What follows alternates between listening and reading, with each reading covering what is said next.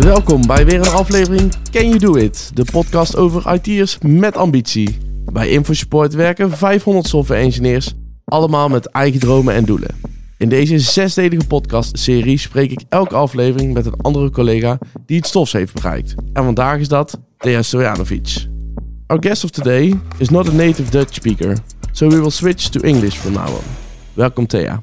Hi, thank you very much. And uh, really happy actually to get the opportunity to talk to you today.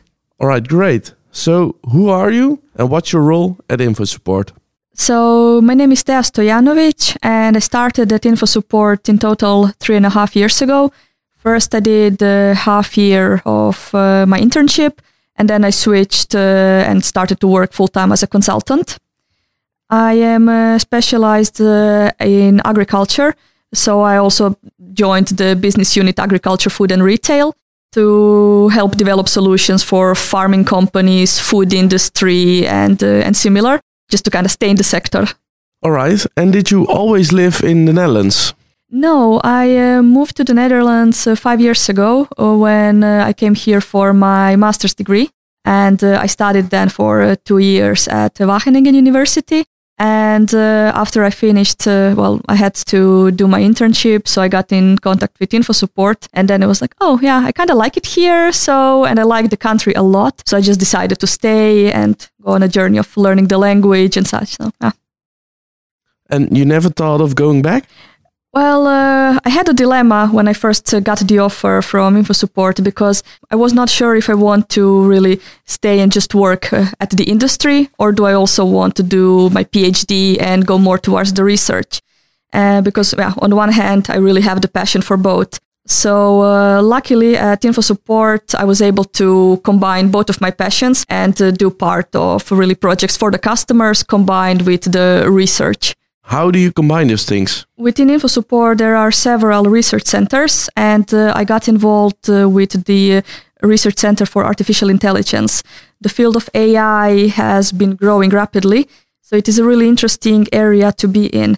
So, based on also my background and well, where my passion lies, they asked me to come and do my research there.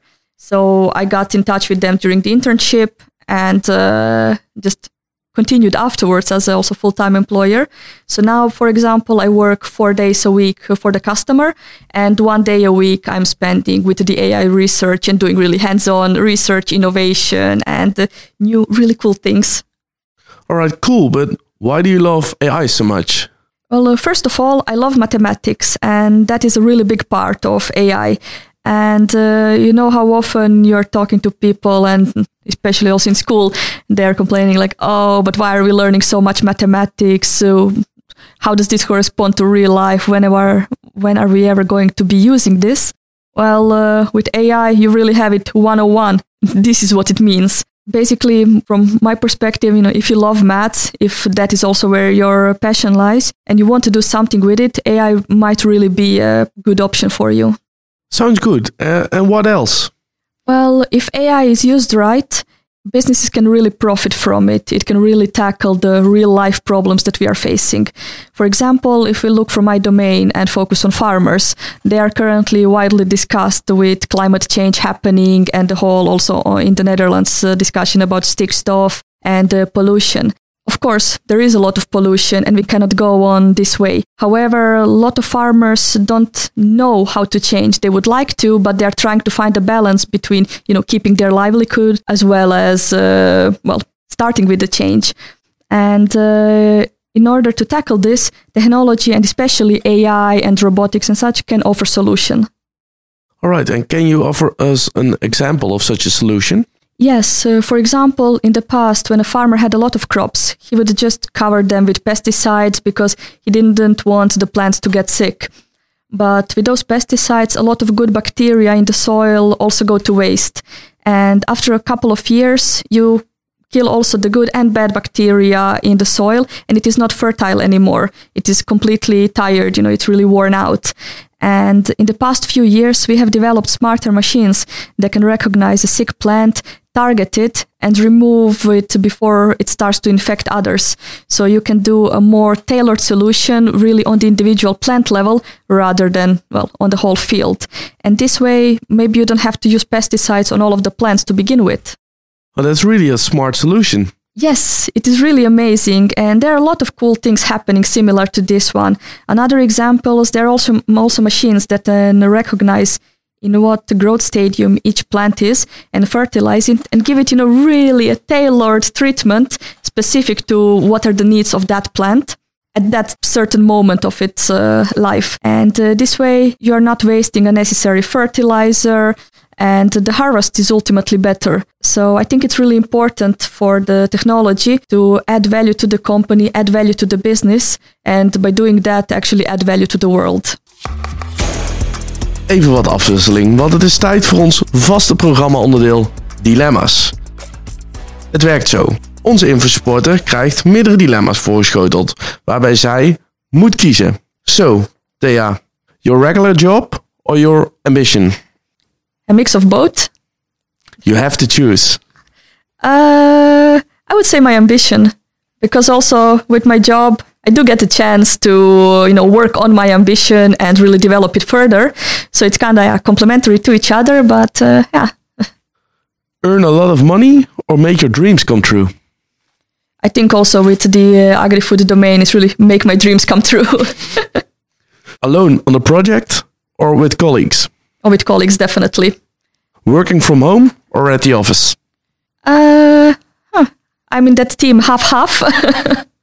you have to choose. Uh, well, I just moved into a new house, so then still working from home. Electric or petrol driving? Electric. Friday afternoon drinks or company field trip? Friday afternoon drinks. Retiring early or as late as possible? Uh, retiring early and then traveling and working further on the ambition. Star Wars or Star Trek? Star Wars. Learn something yourself or teach someone else something? Learn something myself, and then when I'm you know expert enough, teach others. .NET or Java? .NET. Graphical user interface or command line interface? Graphical. PC or console? PC. Get up early or late? Late. Pizza with or without pineapple? Always without. Always the same client or different client every three months? Different client. Home automation, yes or no? Hell yes. 100 or 130 kilometers an hour? 130, but then in combination with electric car. Programming, hobby or work? Hobby and work, because man, hobby that pays really well. all right, that's them all. Back to the interview. What's your greatest ambition?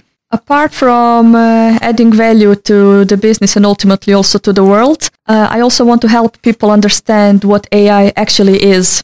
Uh, AI is seen as a black box by so many companies and so many people. You really see all the doomsday scenarios also in the media. And uh, some people are really scared of it, but they have very often no idea how it can actually help them, how it fits into their business, into their company. This is something that I would like to change because if you want AI to have a bigger role in the world and change things for the better, people have to know what it actually is. And that is actually the whole field of explainable AI that I find really interesting. I'm really passionate about it. And how are you guys doing this? Well, with the AI research teams, we are creating the whole set of uh, white papers and podcasts. But we also, for example, do interviews. We prepare the trainings. Uh, we do also the articles, for example, for the Computable magazine. And uh, all of us uh, also very often speak at different conferences, trainings, seminars. So we try to stay active like that. And is it something you really like?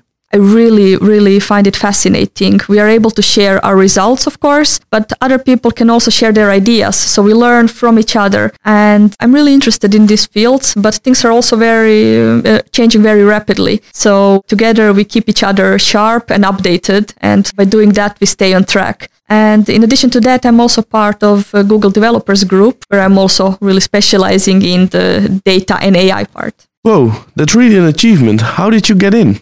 Well, uh, when I was doing my master's, I received an uh, IT 500 award, and uh, which meant that I was in the top 500 promising ITs under 26 years old in the Netherlands. And uh, at that event, I uh, met the right people and I got introduced to this group.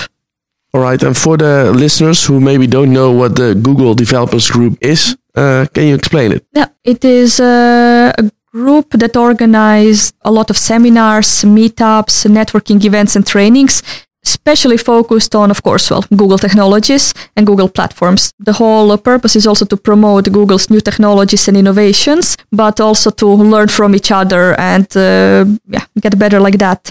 I do all of this also in my uh, free time, but also, well, what we were discussing earlier, kind of hobby versus work. It does not matter all that much because I really love it. It does not feel like work, but it really fills my batteries. So you said uh, you guys also offer a lot of uh, training programs. Do you also attend uh, those training programs? Yes. Uh, for example, uh, one of the big parts that I loved about info support is that we have our own uh, Kenniscentrum or training training center. So here you can take any course you like. If you want to take a training outside the company, you also basically have an unlimited budget. You know, very often you get from companies the talk like, oh yeah, we provide really competitive 5,000 euros per year that you can use for trainings. While with info support, the whole culture is that basically unlimited. If you are interested in something, you have the chance to do it. So you get a lot of help from experienced colleagues. Do you also help other colleagues with the knowledge you acquired? I think so. I'm not hardcore developer like a lot of info supporters are. So uh, I get also approached by students a lot about, well, things that I'm strong at. And I'm also supervising some interns for the past year. And uh, I'm also, you know, giving them feedback, especially from the research side. And that also teaches me a lot because they're still in the academic field. They know what is hot, what is happening. And uh, when you are in the company, sometimes it is, you lose that uh, touch of innovation. So also by, you know, learn, like teaching them something, I'm also learning from them myself. And uh, they also offer a fresh pair of eyes and a different perspective. So, do you have any tips for listeners who also want to do something with AI? Uh, well, first, get in touch with the community. It is so massive. You can find so many groups and topics, meetups where you can connect with other peoples that share the same passion. You can share your knowledge, share your ideas. And through that networking, people can also help you solve your own AI problems because sometimes a problem seems so big, but with help, with the brainstorming and the joint efforts, you can make it smaller.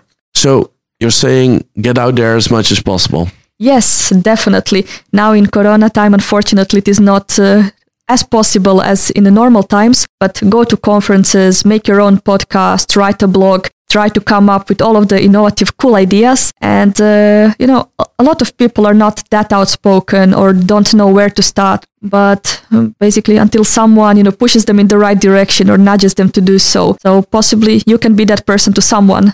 All right. And what does the future hold for you? I uh, really want to keep working for info support and continue on aligning AI with uh, delivering actual business value and uh, create guidance and solutions to help more people solve their biggest obstacles. In the Netherlands, you have so many opportunities in the agri food domain.